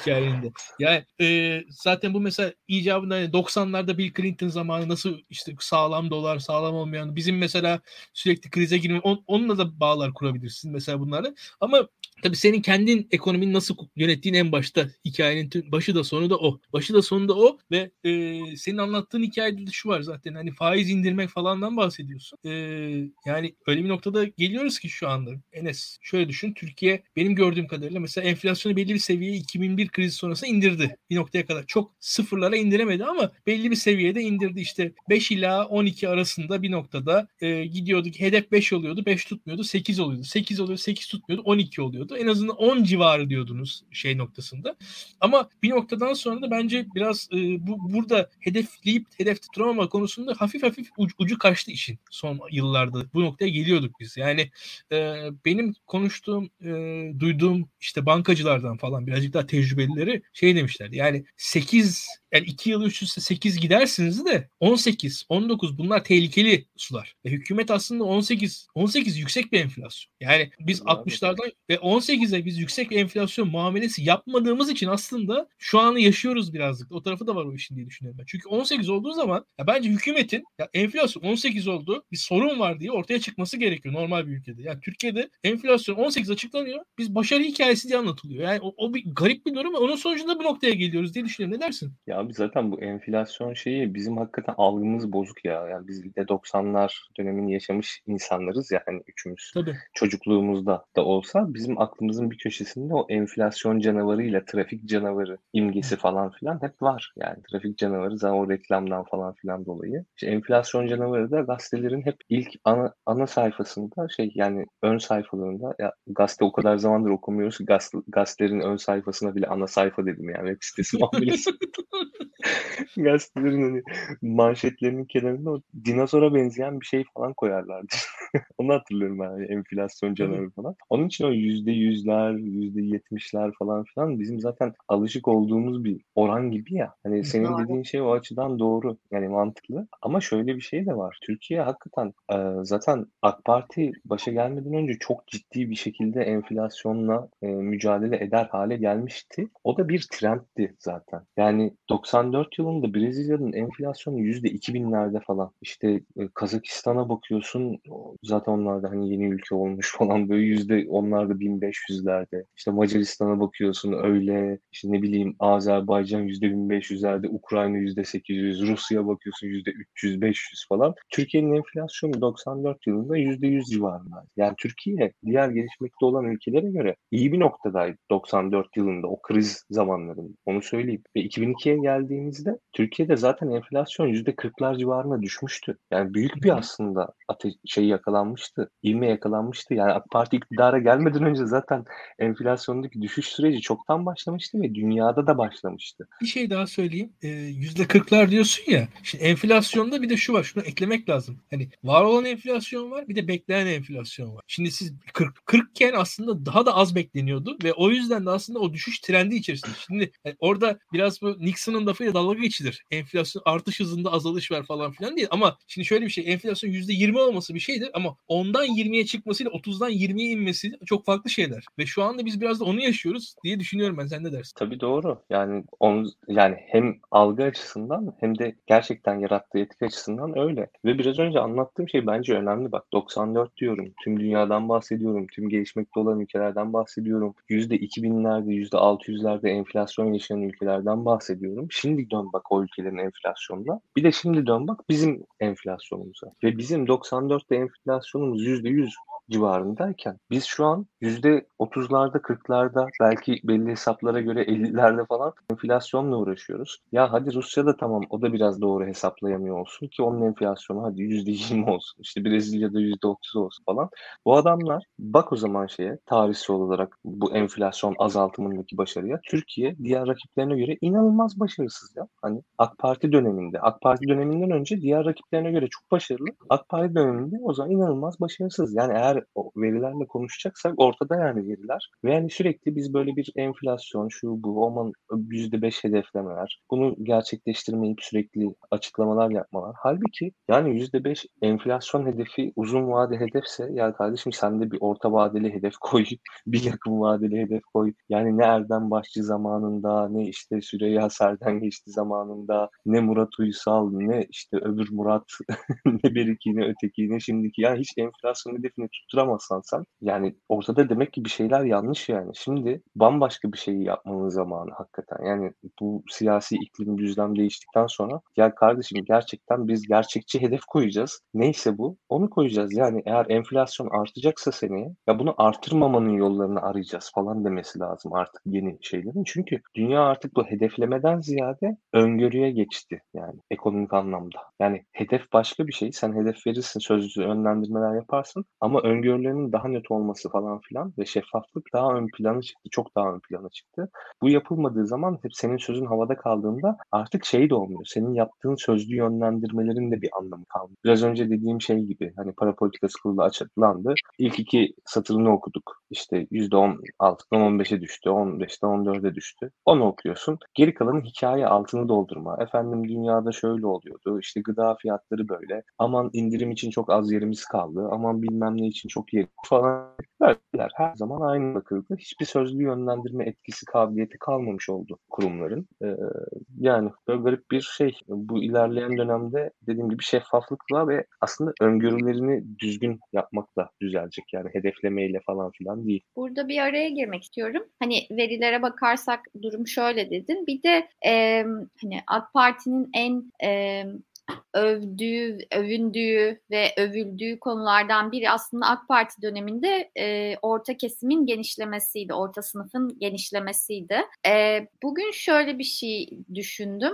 Ee, AK Parti iktidara gelmeden önce fakirle zengin arasında özellikle 2000-2001 krizinden sonra çok ciddi bir uçurum vardı. Orta sınıfın genişlemesiyle o uçurum bir anlamda kapanmıştı. Şimdi bugün gelinen nokta ve bundan sonrasını düşündüğümde benim e, yine fakirle zengin arasında ciddi bir uçurumun e, açılacağını öngörüyorum. E, yani buna doğru gittiğimizi görüyorum ve bir anlamda aslında bunu hani bugünkü sosyal şey siyasi konjonktüre bağlarsak aslında AK Parti bir anlamda kendisini iktidara getiren o sosyolojiye geri dönmek dönmeye mi çalışıyor gibi. diye. Evet o sosyolojiyi tekrar mı yaratıyor diye düşünüyorum. O ekonomik durumu tekrar mı yaratıyor diye düşünüyorum. Çünkü şöyle bir şey Türkiye'de insanlar kime de hınçlanacağını aslında doğru seçmiyor. Yani bu uçurum açıldığında fakir zengine hınçlanıyor. Hani bunu yaratan kişilere e, sorulara hınçlanmıyor. Yani hınç da hani orada da hedefi şaşırıyoruz gibi bir durum var. Böyle bir şey düşünüyorum. Sence böyle bir şey olabilir mi? Yani o sosyoloji tüm Türkiye siyasetinde neredeyse gömmüştü yani. Hani 2002'deki seçimde normalde işte o hükümet işte o anki hükümet işte Ecevit'in o kadar sağlık sorunu olmasa, Bahçeli işte Bahçeli olmasa falan, Bahçelilik yapmasa falan o hükümet devam etse biz büyük ihtimal enflasyonda düşüşün devam edeceğini birçok şeyin iyileşeceğini görecektik zaten. Çok iyi bir IMF programı uygulanıyordu. İşte Merkez Bankası yönetimi bayağı düzgün işliyordu vesaire. İşte ya da hazine de aynı şekilde hakeza öyle işliyordu. E, fakat öyle o sosyoloji işte tüm şeyi gömdü gitti. Hani geri, geriye sadece AKP kaldı neredeyse. Yani ve öyle bir gömdü ki hani böyle biraz da e, baraj vesilesiyle hani yüksek oy oranlarıyla da gömüldükleri için işte %9.8'ler 8 nokta küsürlerle falan filan AK Parti sadece %30'larla şey olmuş. Yani çok meclisin %70 çoğunluğunu mu ya, ne almıştı yanlış hatırlamıyorsam. Şimdi öyle bir sosyolojiyi yeniden yaratmak gibi bir hedefleri varsa bu onlara katkı sağlar mı? Ben açıkçası bilemiyorum. Yani İlkan daha düzgün bir yorum yapar belki ya, orada. Kaç... Hani bana mantıklı gelmiyor ama ikinci kısmı ile ilgili sadece şeyi söyleyeyim. İnsanlar neye hınçlanacağını, neye kinleneceğini bilemiyor falan dedim ya. Ya bu e, biraz şey ya evrimsel bir şey. Yani insan biyolojisiyle ilgili. Yani insan aslında erişeceği kişiyle daha çok didişir eşittir. Yani erişebildiği kişiyle. Yani diğer her şey biraz böyle doğaüstü güç gibi algılanıyor. Çünkü ona zaten hiçbir şekilde erişim yok ya. Hani o onun için biraz daha böyle doğaüstü bir şey gibi. Hani metafiziksel neredeyse bir şey gibi. Hani zaten hiçbir zaman o kadar zengin olamayacağını düşündüğü için ona hafsalası vesairesi falan almadığı için bu insanların yaşayışına şununla bununla sadece kinlenebilir. Ama o insanların yaptığı karmaşık işlemlere veya işte nasıl zengin olduğu, ne olduğu hani o sürece falan filan çok odaklanamaz. O böyle bambaşka bir süreç gibi gözükür ona. Ama daha erişebildiği, gözünün önünde olan falan filan şeylere biraz daha e, nefret duyacaksa da, sevgi duyacaksa da daha fazla nefret veya sevgi duyabilir. O böyle biraz insan tabiatıyla ilgili bir şey gibi geliyor bana. E, bunun tam tersi de oluyor. Mesela bugün şeyleri gördüm biraz. İşte doktorların maaşları anladığım kadarıyla bazı maaşları düşük. Yani bizimki gibi akademisyenlerin de öyle. Bazı maaşlar düşük. İşte bir çeşitli ödeneklerle, eklentilerle falan işte bir 7 bin, 8 bin civarlarına falan filan geliyor işte e, araştırma görevlisi maaşları. Herhalde yardımcı doçent maaşları da 8-9 bin civarına geliyor veya gelmiyordur. Tam emin değilim. O, işte doktorların bazı maaşı 4500 lira gibi bir şeymiş anladığım kadarıyla. Onlar da hani içlerinden bazıları mesela böyle tepkiyi yanlış yere yönlendirmiş. Yani asgari ücretin artışına hani biraz daha aslında kızıyorlardı. Bu işte mesela haksız bir şey değil. Şimdi doktorlar zaten kendileri doktor ama hani daha iyi bilirler tabii. ama hakikaten bu insani bir şey yani. O, o erişebildiği, görebildiği şey o ve hani kendisine aslında çıpa olarak aldığı şey de o. Halbuki kendisine çıpa olarak alması gereken şey başka bir şey. İşte ne bileyim hani bu Norveç'teki doktor işte Almanya'daki doktor gibi bir şeyi kendisine çıpa alması lazım ama o kadar büyük bir çaresizlik içinde bir bu. Yani hiçbir zaman oraya erişemeyeceğini biliyor. Bir, iki işte dokunduğu insan ona her zaman işte şeye gelen, muayeneye gelen insan. Ona işte çeşitli noktalarda sıkıntı çıkaran, sırayı bozan, işte şiddet uygulayan falan filan insan. Onlar bile, bunlar bile benim kadar para kazanıyor gibi bir şey vardı. O süreç yani böyle iki türlü işliyor. Bir o, o, o, o süreç karmaşık ve garip ve onun çözümü şey değil. Hmm, yani çıpa olarak aldığın şeyi iyi belirlemen lazım. Yani o senin kaliteni de gösterir. Yani e, o, orada herkesin biraz dikkatli olması lazım. ya ben birkaç şey ekleyeyim istiyorum. Şimdi bir defa e, orta sınıf e, dediniz. Orta sınıf gerçekten benim aklıma ilk Amerikan rüyası gelir. O kavram üzerinden biraz değerlendirin. Mesela Enes şunu düşün. Mesela Türkiye'de bir üniversiteyi bitiriyorsun. Bir meslek sahibi oluyorsun. Bir şekilde çalışmaya başlıyorsun. E, mesela birkaç şey evlenmek, ev almak, çocuk yapmak, araba almak. Bunların hepsi belli maliyetleri olan şeyler ve bunları işinle yapabilir misin? Mesela işinden gelen gelirle ne kadar yapabilirsin? Ailenden bir destek görmeden veya makul bir destek görerek diyelim yani. Hani çok da abartmadan. Abi lafını kesiyorum ama bak bu mümkün değil. Senle ve Burak'la e, 2020'nin Mayıs'ında mı ne yaptığımız bir program var. Böyle orta direkt evet. lafı geçtiği için bugün onu bekledik. O zaman Renault Clio tweet'i atmıştı Burak. Ben hatırlıyorum. Yani 200 küsür bin lira falan çıkmıştı Renault Clio. Yani ben şeyden bahsetmişim orada. Orta direkt bir Renault Clio bile alamıyorsa hani orta direkt falan değil. Fakirdir aslında falan gibi. Ve o günden bugüne ne kadar çok şey değişti. Ne yani şu an Renault Clio alan üst sınıf yani ne diyorsun? yani senin dediğin şey çok şey anladın mı? Hani ev mi, ev, araba yani düğün bile artık yani düğün yapmak artık evet. ayrı bir şey. Hani e, ayrı bir dünya. Yani ben çünkü e, şeyi hatırlıyorum. Yani ben işte evlenirken işte eşyaları falan filan da ikinci el falan filan aldığımız için çok daha ucuza gidiyordu. Şimdi bile geçen bir hesapladım. Neredeyse 10 katı kadar bir şey çıkıyor. Maliyet çıkıyor. Yani ben işte 5 senedir falan evliyim anladığım kadarıyla. Yani hatırladığım kadarıyla. Hande izlemiyordur umarım. 5 sene içerisinde 10 katına falan çıkmış mali. Lafını kestim abi buyur. Yani arada o şeyi söyleyeyim dedim o bizim eski program. Tabii. Ya haklısın. Ya şimdi bunların hepsi mesela bir çocuk yapmak falan ne kadar büyük risk. İşte atıyorum ev almak hayal bile edilmiyor. A- araba almak artık ulaşılmaz noktada. Ee, yani insanlar taksitle telefon alıyorlar. Ya yani şu seviyede ona doğru geldik. Ona doğru düştük. Ve e, yani bir orta sınıfın e, şu an teknik olarak e, ortada olmadığı ve nedir bu? Ancak maaşla ay sonuna kadar yaşama, hayatta kalıyor insanlar tek yani şu anki sistemde. Onu görebiliyorum. Daha ötesi yok. Daha ötesi e, hiçbir şekilde ortada yok bir defa. Yani şu an e, bir orta sınıf oluşmuyor. Ha, Adalet Kalkınma Partisi ne yapıyor konusu o da bir başka konu. Yani şu anda birincisi ortada bir fakirlik var. Fakirliği yönetmeye çalışıyorlar. Yani bir fakirlik yönetiliyor. E, bu fakirlik yönetilmesi acaba ne kadar planlı ne kadar plansız ben çok bir plan görmüyorum ama bir iç olarak hani iç mantık olarak şunu görüyorum. E, mesela Adalet ve Kalkınma Partisi'nin e, nispeten ekonomik olarak başarılı olduğu zamanlarda dahi Enes mesela akademisyenlerin maaşları nispeten pek yüksek değildi. Yani muhalefet yapabilmek belli bir gücü olan insanın yapacağı bir iş. Şimdi mesela düşünüyorsun. Davutoğlu zammı ile biraz arttı. Evet ya şimdi bak Ama muhalefet... o da nasıldı biliyor musun? Gene lafını balla kesim abi. Davutoğlu zammını da şöyle yaptılar. Biraz önce bahsettiğim o ek ödeme falan filan şeyleri var ya. Davutoğlu zammı öyle bir ek ödeme olarak geldi. Ve 850 TL olarak geldi. O 850 TL hala 850 TL. O hiç zamlanmıyor mesela.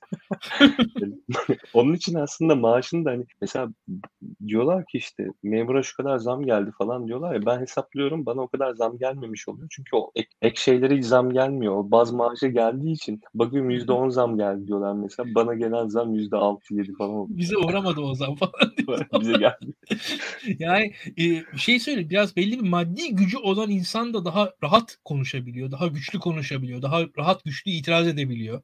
Yani o devletten özgür bir şekilde hayatta kalabilen insanın itirazının gücü de fazla olur. Şu anda ya devletin hegemonyasını hükümet, devlet hükümet artık çok iç içe girdiği için o, o hegemonya kullanılıyor ve iktidarın bir aracı haline geliyor. Yani fakirlik yani fakirlik bir hegemonya aracı olarak hükümet tarafından kullanılıyor siyaseten. Ha, bu şu an planlıyorlar. Ben bir plan plan olduğunu düşün başaramıyorlar. Bu noktaya geliyoruz. Ama mevcut hali kullanıyorlar. O ayrı bir şey. Şimdi ikisi farklı şeyler. Yani şu anın planlı olduğuna falan inanmıyorum ama şu anın kontrol, şu anın kullanıldığına inanıyorum. Yani hegemonya aracı olarak o maddi güçlerini mesela. Çünkü şöyle bir şey var. Hepimiz ne yapıyoruz şu anda? Yani düşünelemez. Türkiye Cumhuriyeti'ndeki her çalışan bugünkü asgari ücret kararını takip etti. Çünkü devletin bir kontrolünün altındayız yani öyle ya da böyle. Devlete bakıyoruz. Devletin gücünü hissediyoruz. Devletten bağımsız olarak e, kendi maddi geliri olan, kendi gücü olan, kendi ekonomik gücü olan çok az insan kalmaya başladı ve bu mesela siyaset yaparken de partiler il başkanı bulamıyorlar. Yani biz bunu biliyoruz yani son 3 parti 3 büyük partinin kuruluşu aşamalarında falan neler yaşandığını biraz tanıdıkları olan, hafif biraz çevresi olan insanlar biliyorlar diye düşünüyorum ben. Abi sen hep böyle diyorsun ama anlatmıyorsun ya bunları. Herkes soruyor ondan sonra. ya şöyle ya kardeşim ama, bizim yok biz bilmiyoruz. ya hayır şu çok basit. Ben bir örnek vereyim mesela. Yani Deva Partisi Trabzon İl Başkanı açık seçtiler.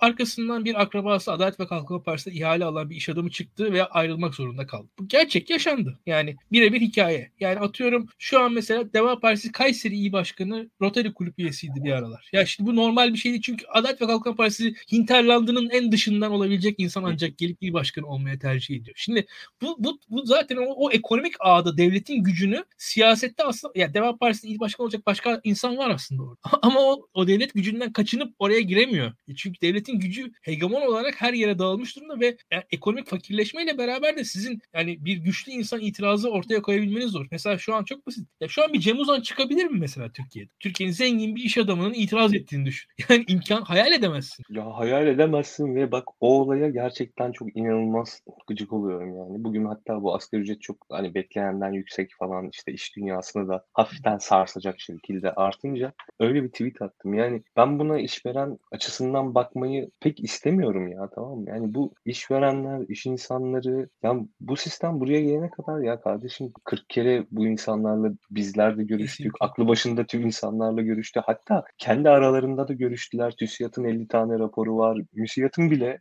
vardır hani en azından 5 tane raporu çalışması bilmem ne. Hepsi inanılmaz dert yandılar. Yandılar, yandılar ya. Yani en son kendilerini de yaktılar, bizi de yaktılar. Yani hiçbir itiraz yok, bir şey yok. Saçma sapan şeylere sponsor olmalar, işte ne bileyim yani böyle ne bağımsız gazeteciliği, ne bağımsız sanatı, ne bağımsız bilmem neyi falan destekleyememeler. Yani şu an ben inanılmaz bir örnek bir şey vereyim sana. Çok basit. Bir ya şu an e, şeyler var. Sanayi bölgeleri var. İşte işte çeşitli e, sanayi bölgeleri var Enes. Bu sanayi bölgelerinde işte organize sanayiler yönetiliyorlar. Çeşitli idare ediliyorlar vesaire. Bunların da kendi bütçeleri var biliyorsun. O bütçelerin o bütçelerin yönetilmesi lazım. Bu bütçeler aslında özerk. İşte o bütçelerdeki paraları şu an mesela koruyacak iradeyi göstermekten korkuyor oradaki sanayiciler. Dolara çeviremiyorlar. Şu an TL'de.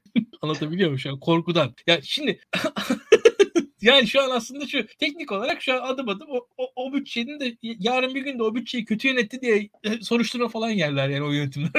Çok da komik yani burada. Türkiye'nin şartları böyle. Ya yani orada şu an bunlar kontrol ediliyor şu anda işte. Hangi para ya şu anda birazcık e, güçlenen sanayicinin oradaki güçlendiği kazandığı parayı sermayesi nereye kullandığı falan devlet tarafından kontrol ediyor. Şu, acayip bir şey şu anda. Hani şu devrim an, kendi işte, çocuklarını devrim kendi evet. çocuklarını mı yiyor? Ya şimdi tabii bunları söylüyoruz insan e, biraz şey yapar. yani tersten bu, bu çok da beklenen örnekler değil bu verdiğim örnekler tabii bir yandan da insana. Ama işin gerçekliği bu. Hani hegemonyanın boyutunu görmemiz lazım. Çünkü hani gördüğümüz dediğin gibi e, fakirlik var. Fakirlik yaşanıyor. Fakirlik Türkiye'nin gerçeği. E, orta sınıf eriyor. Orta sınıf yok oluyor. Eziliyor. Bu da Türkiye'nin gerçeği. Ama sırf bunlardan ibaret Bu, bu fakirliği, bu, bu erimeyi yaratan şeyin arkasında zaten bu özerk alan kurabilecek yerlerde o özerk alanlar kurulamıyor. E, her şekilde o hegemonya oraları da bastırıyor ve herkes eziliyor. Adım adım sırayla herkes eziliyor. Kesinlikle ve şu an olmak isteyeceğiniz en son şeylerden biri bir Anadolu şehrinde yeni türedi AKP zengini veya eliti olmaktır büyük ihtimalle. Yani bir, ne bileyim kooperatif başkanı, işte İlkan'ın dediği gibi organize sanayi bölgesi yöneticisi, işte sanayici, manayici falan. Şu an AK Parti hani tüm bu yarattığı işte kendi e, çevresini beslediği, yarattığı tüm bunu e, şey yapar hale geldi. E, tüketir hale geldi. E, onların da gariptir ki yani o tarz insanların da bizim gibi arkadaşlara dert yanması e, vesaire gibi durumlarda kaderin bir cilvesi mi diyeyim ne diyeyim bir enteresan geliyor bana ama Vay, dert babası garibanlar böyle biz. utanmıyorlar. Söylüyorlar falan hani biz de çok sıkıntıdayız falan diyorlar. Hani bakıyorsun işte türedi zengin işte ama hani karşına söylüyor. Sen diyorsun ki hani kaç yıllık şirket işte 2005'te kurulmuş. Kaç yıllık şirket 2003'te kurulmuş bilmem ne falan. Hani diyorsun ki gene iyi bir pozisyonda gibisiniz sanki diğer rakiplerinize nazaran. Ama adam yani gene anlatmaya devam ediyor. Çok garip şeyler oluyor. Ya bu arada biri biraz önce sen böyle bir ekrana doğru yanaştın ya senin aslında yüzün ne kadar benziyor Meral Akşener'in gençliğine. Değil mi? Vallahi fark ettim.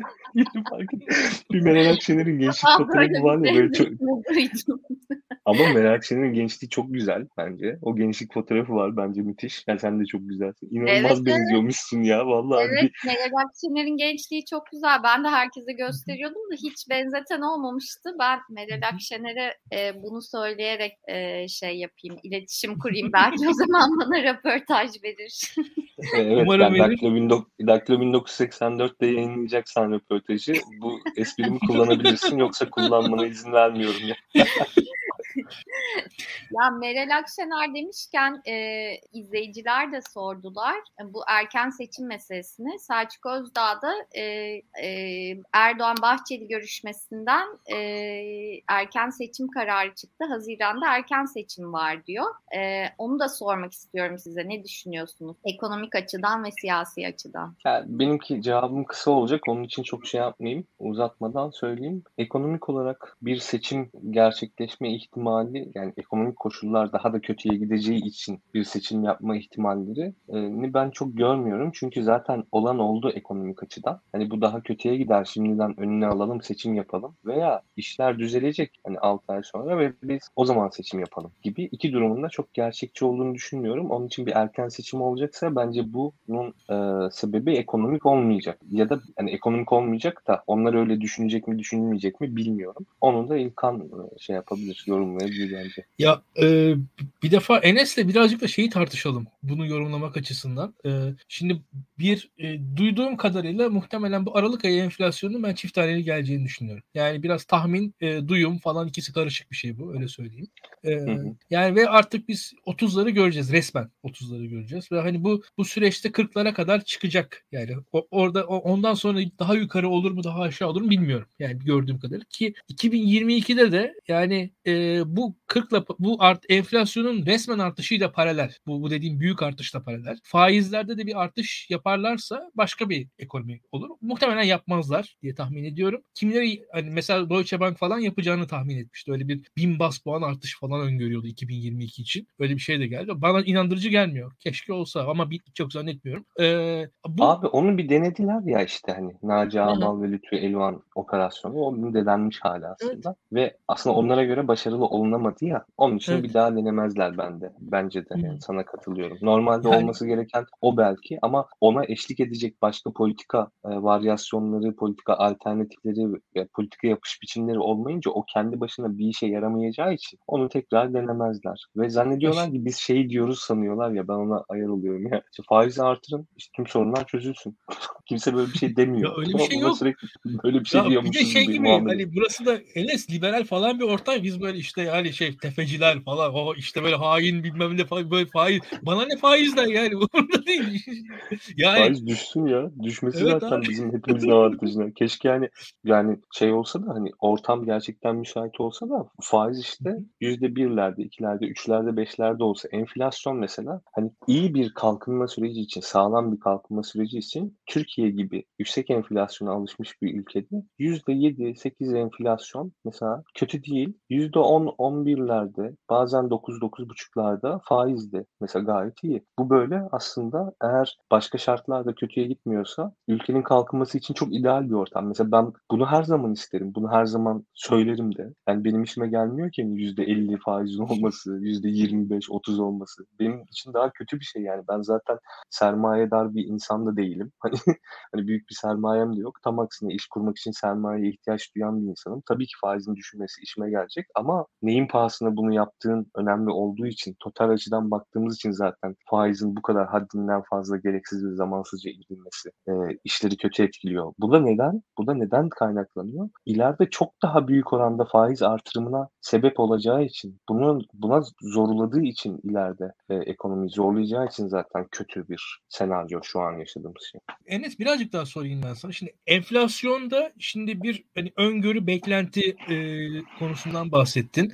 İşte yüzde beş vesaire yani çok da gerçekçi olmayan rakamlar var ortada. Bir de reel yaşananlar var. Artık hani TÜİK'in ölçtüğünü ölçmediğini geçtim. E, e, burada şöyle bir şey var. Bu kadar her şeyden kopulunca vatandaş dediğin gibi hükümeti ciddiye almıyor. Nereye ciddiye alıyor? Dolar kurunu ciddiye alıyor. Yani vatandaşın enflasyon beklentisini oluşturan şey dolar kuru haline geliyor. Ve dolar kuruna enflasyon beklentisini ne yani dolar nasıl yani sonuçta hükümet ciddi bir şey söylemeyince ortada ortada tek ciddi veri dolar kuru şu an Türkiye'de. Yani karşımızda o yüzden hani ekonomi açısından ben vatandaş olarak bakıyorum. Hükümetin konuştuğu bazı sözler var. E, şöyle olacak böyle olacak. Tayyip Erdoğan diyor yastık altındaki paranızı getirin bozdurun şunu. Yani ciddi bir söz yok ortada. Tek ciddi söz dolar kuru. Vatandaş ona göre bakınca zaten enflasyonu da hani daha öncesinde mesela şeydi. Türkiye'de dolar daha daha da arttı. Esasında oran olarak bakarsan yüzde bir buçuktan ikiye çıkış, işte iki buçuğa çıkışı yüzde yirmi beş artış. Ama o direkt enflasyona yansımıyordu eskiden. Yani Türkiye'de dolar e, orada kurda mesela diyelim yüzde otuz artış olduğu zaman o yüzde otuz enflasyon olarak mesela 2000'lerde bizim karşımıza gelmiyordu. Fakat şu anda kurdaki artışın enflasyon olarak bizim karşımıza çıkma oranı yani kur diyelim yüzde on arttı. Bu enflasyonu da daha önce diyelim yüzde bir arttıracaksınız bugün yüzde beş arttıracak. Yani şu an o, o şey de artıyor giderek diye düşünüyorum ben. Ne dersin? Evet. Ya Merkez Bankası ekonomistlerinin yaptığı bir çalışma vardı. Yani dolardaki artışın enflasyon geçişkenliğiyle, geçirgenliğiyle ilgili yüzde otuzlar civarındaydı. Yenilediler mi? Yeniden böyle bir araştırma yaptılar mı veya yapacaklar mı bilmiyorum. Ben hani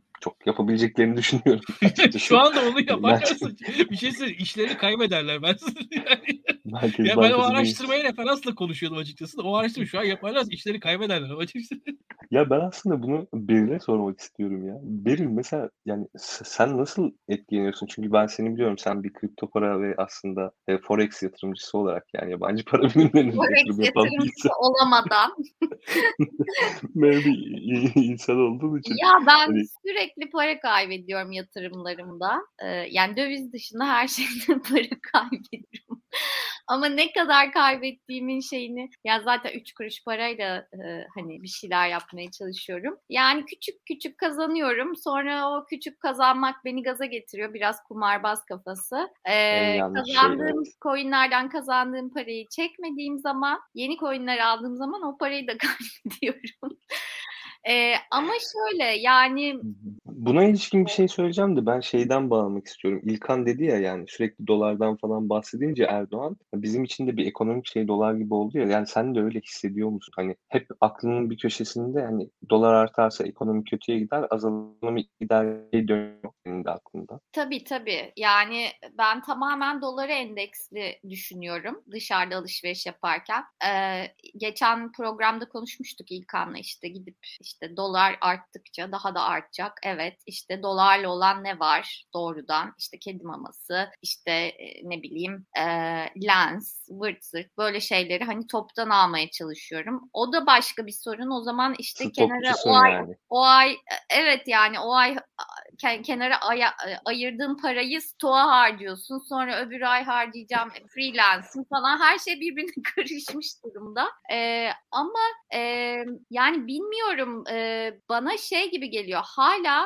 e, fiyatlara dolardaki artış yansımamış gibi geliyor. Mesela o yüzden hala çıkabildiğim kadar dışarı çıkmaya çalışıyorum. İşte alabildiğim şeyleri almaya çalışıyorum. Elektronik cihazlar dahil. E, yani henüz yansımamış geliyor ve yansıdığı zaman nasıl yansıyacağını e, da kanın dediği gibi hayal bile edemiyorum. Yani nasıl bir yansıma olacağını. Ya ben bu konuda biraz uyaran bir tweet atmıştım. Bu işte Gürcü arkadaşlarımızın, işte Bulgar vatandaşların, işte Kürt bölgesinden gelenler, İranlılar e, hepsi hep beraber Türkiye alışverişe geliyorlar. Evet. Ve Türkiye'deki her ürünü alıyorlar. Şimdi bir evet. ülkeden hani her ürünü alıyorsa birileri Türkiye'ye Bunun bir sebebi ülkeden... var değil mi yani?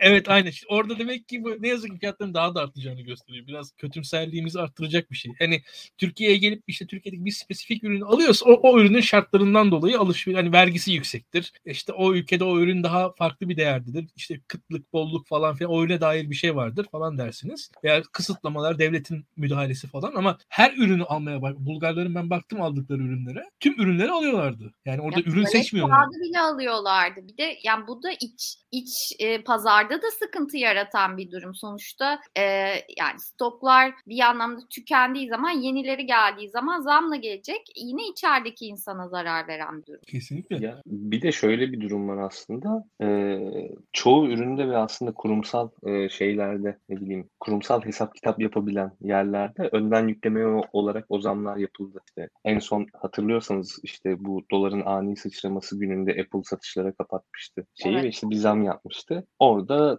doları işte 16,5-17 baz senaryosuyla bir yan, zam yaptıkları söyler. Mesela birçok şeyde bu yaşandı. Hani bir müddet daha zamlanmayacak ama işler böyle giderse sonra tekrardan bir sıçrama şeklinde zam olacak. Çünkü yani bizim piyasa şöyle bir şey değildir. Hani finansal piyasalarda fiyatlar böyle anlık iner çıkar borsada vesaire falan filan ya. Biz ama hani günlük hayatımızda işler öyle ilerlemez. Yani anlık fiyat değişimlerini falan filan zaten bu bir hesap zorluğu oluşturması dolayısıyla da öyle ilerleyemeyeceği için e, orada fiyatlar daha yavaş değişir yavaş artabilir. Ama eğer yavaş artıyorsa çok daha yavaş düşer.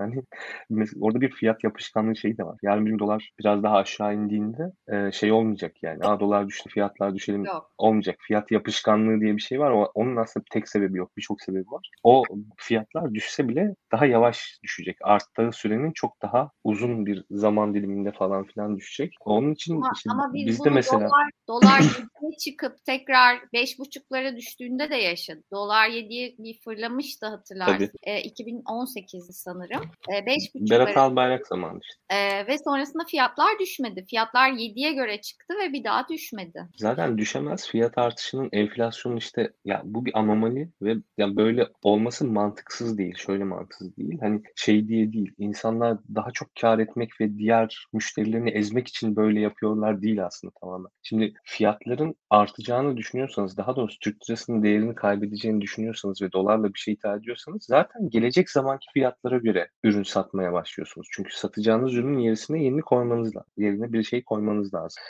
Dolar düşerken de şöyle bir şey oluyor. Ya siz zaten anlaşmalar yapmışsınız. O dolar seviyesiyle yapmışsınız veya işte o dolar seviyesiyle üretim yapmışsınız. O dolar seviyesiyle stok tutmuşsunuz. Bu sefer de zaten maliyetiniz fazla olduğu için daha ucuza satamıyorsunuz. Yani bir sonraki üretim daha ucuza gelebilir ama elinizde tuttuğunuz malın maliyeti çok yüksek olduğu için daha ucuza satamıyorsunuz. İşte iki türlü de aslında bir kapana kıstırmış oluyorsunuz. Yani onun için bu e, ani artışlar, azalışlar, bu dengesizlikler bizim etkisi bu oluyor. Yani e, dolar işte şey de olabilirdi. E, atıyorum hani 1 lira artık 1 lira azalabilirdi. Bu belki çok sıkıntı yaratmazdı. Birden böyle iki katına çıkıp iki ay böyle iki katında kalarak gidip sonra tekrar işte 10 liraya bile düşse fiyat seviyesi inmez. Hani böyle bir garip durum var ortada da. Yani onun için şey oluyor. İlkan'ın söylediği soruya tekrar gelirsek, daha doğrusu söylediği konuya tekrar gelirsek hani herkes bir dolar fiyatına bakıyor ya doların TL karşılığına. Onun birinci sebebi evet yani sürekli hükümetin falan da dolardan bahsetmesi. Yani sürekli Erdoğan yani arkadaş yağmur yağsa yastık altındaki dövizi bozdurun diyor. Ya Taş biraz yastık Enes, Şimdi bir o. sen daha tüccarsın tamam mı? Şöyle o geçmişim var. Ya sürekli vatandaşa dolarınızı bozdurun, dolarınızı bozdurun derseniz ya hani e, bu demek ki durum kötü yani o, o, o sinyali veriyorsun bir, bir yandan da. Şimdi o evet, sinyali abi. verirsen ya o sinyal vatandaş ona göre hareket eder. Ya bu çok basit bir şey. Şimdi sürekli dolar ve şöyle bir durum var. Ekonomi yönetimi bir ekonomi planı ortaya koyup hani bir paket plan nedir hani ve onu 3-5 şekilde biraz 2 ay uygulasa bu tüm e, goy goydan hey, hani heyuladan bağırtıdan çağırtıdan daha etkili olur. Yani şu anda hani 3 şey arka arkaya yani ben yarın şunu yapacağım deyip yarın onu yapsa 3 gün sonra bunu yapacağım deyip 3 gün sonra onu yapsa iddia ediyorum hiç bu tüm bunların aşacak şekilde başarılı olabilir ama ya imkanı yok tabii bütün bunların. Onu da söyleyeyim. Evet abi birinci sebebi o. Sürekli dolardan bahsetmeleri. İkinci sebebi de bu biraz daha şey yani bu enflasyon şu bu bu hesaplar kitaplar karmaşık şeyler tamam mı? Hı hı. Ama insanların hissettiği veya direkt olarak görüp anladığı iki şey var. Ee, bunun ikisinin temelinde de tek bir şey var. Fiyat. Fiyat mekanizması inanılmaz önemli bir şey. Yani insanoğlunun yani hakikaten artık şeyi olmuş. Yani evrimsel sürecinin bir parçası. Yani beyninde belki çok büyük yer kaplayan bir şey anladın mı? Fiyat mekanizması. Bir marketteki, pazardaki bilmem nedeki fiyatı işte o çocuğun okulun fiyatını falan filan görüyor. Enflasyon rakamına bakmasına gerek yok. O karmaşık hesapları yapmasına gerek yok. Onu gördüğün hissediyor zaten. Üzerine çok düşünmesine gerek yok. Artık bu fiyat mekanizması bizim için yani bir refleks, bir meleke gibi bir şey olmuş. İki, o dolar fiyatını görüyor ya orada. Hani 13, 14, 15. Çok basit, algılanabilir ve anlaşılır bir şey. Yani direkt gördüğü bir şey. O da artık bir meleke gibi insanların içerisinde yer etmiş. Özellikle Türkiye'de işte yani işte hepimizin annesi babası, işte arkadaşlarına markla borç verdiği zamanlar falan. Hani tüm bunlar çok uzak bir geçmişte değil ama gerçekten bize bunu bir yetenek olarak işte refleks olarak katacak kadar uzun süredir bizimle beraber olan şeyler olduğu için ve Erdoğan'ın açıklamaları da sürekli bu dolar, molar, işte fiyat, enflasyon, stok falan tüm dikkat ederseniz hepsi o fiyat mekanizması çerçevesinde dönüyor ve sürekli o fiyat mekanizmasını bozuyor Erdoğan. Yani o piyasa bozucu dediğimiz e, işte Erdoğan'ın piyasa bozucu hareketleri dediğimiz şeyler o söylemlerin hepsi tek bir şeyi hedef alıyor. Fiyat mekanizması. Sürekli insanların işte hani algıları, algılarıyla oynuyorlar falan diyorlar ya bu boş bir şey değil hakikaten insanların algılarıyla oynuyorlar çünkü o artık bizde refleks haline gelmiş ve sen sürekli oraya oynuyorsun. İnsanların düşünmeden hissettiği bir şeye sürekli oynuyorsun. Böyle insanda bir zihinsel karmaşa falan yaratıyor. Yani ben ben de etkileniyorum anladın mı? Hani Tabii ya bu adam böyle diyorsa şöyle mi olur falan hiç yani arka planındaki böyle ekonomik bilmem neyi falan filan düşünmeden direkt yani hayatta kalma moduna falan geçiyorum. Yani. o Ama acıdan bence, kaçınırım. Bence çok farklı kesimlerden insanlar aynı şeyleri hissediyorlar ve aynı şeyleri takip ediyorlar ve işte asıl olarak doların yükselişini takip ediyorlar. Bir de böyle bir şey var yani hani ülkede e, çok e, parçalı bir siyaset olabilir ama herkes bence aynı şeye kitlenmiş Tabii. durumda. Öyle de bir durum var. E, enteresan bir birliktelik var. Ben herkesin suratında aynı ifadeyi görüyorum. Aynı üzgünlüğü, hayal kırıklığını görüyorum. O da çok enteresan bir yandan. Enes, e, şimdi birkaç biraz spekülasyon yapalım seninle yayının sonunda.